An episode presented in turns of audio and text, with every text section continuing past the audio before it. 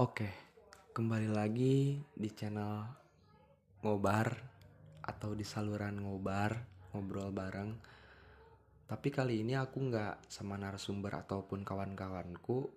Aku kali ini pengen cerita-cerita aja, sering-sering aja dikit sama kalian.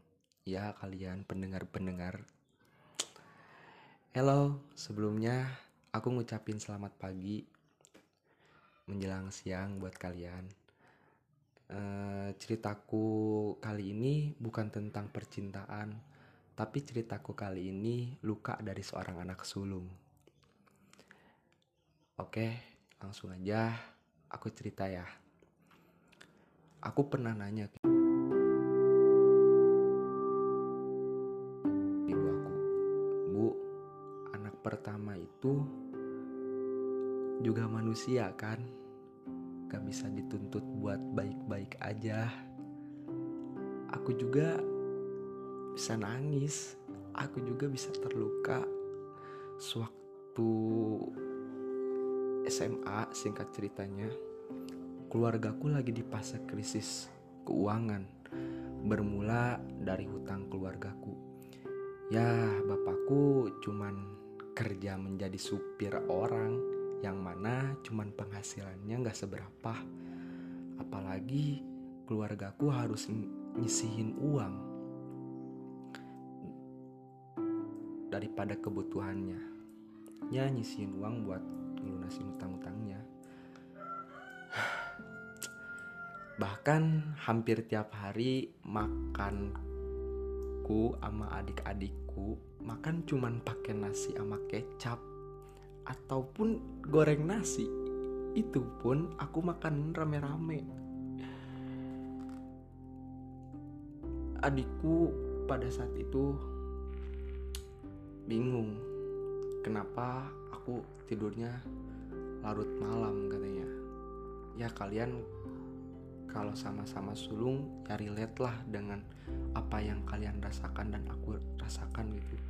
Yang aku rasakan semoga kalian juga rasakan apa yang aku rasakan gitulah. Aku pun jawab cuman malam yang bikin aku tenang gitulah.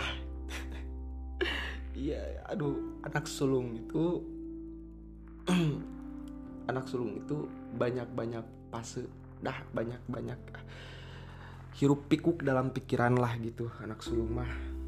Kalau misalkan di sini ada pendengarnya si bungsu gitu. E, balik lagi pada saat itu pada saat SMA aku bingung. Aku mau kerja tapi aku masih sekolah. Dan bahkan aduh aku ya men uh, dan bahkan aku merasa aku tidak bisa apa-apa ya cuman jadi beban keluarga. Ibuku pernah marah dan bilang aku nyusahin. Bahkan buat jajan sekolah pun aku dikasihnya cuma lima ribu. Lima ribu iya. Sebenarnya sih buat jajan segitu nggak cukup ya buat anak SMA ya tapi aku juga bersyukurlah.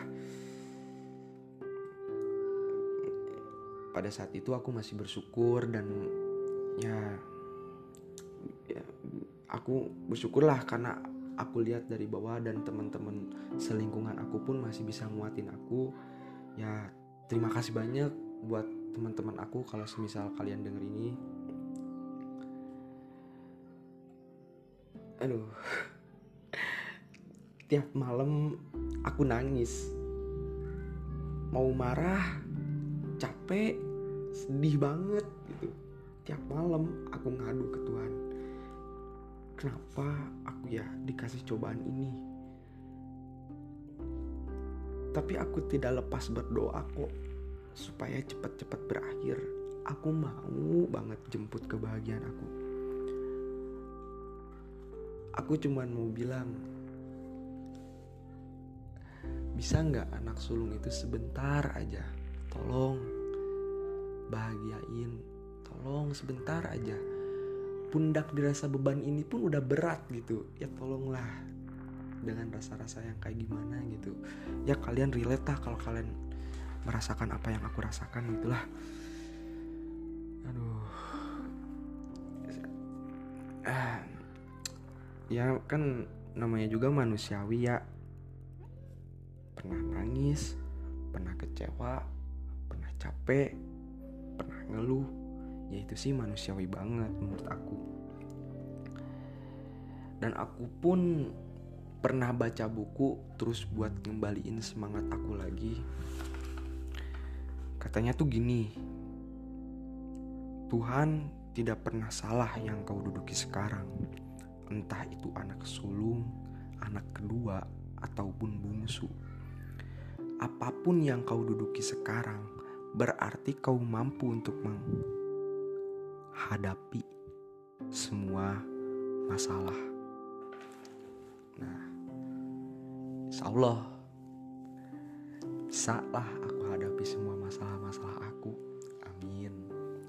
Dan aku pun berdoa buat anak sulung di luar sana, di mana pun dan siapa pun, semoga kalian kuat, kalian sabar, kalian lebih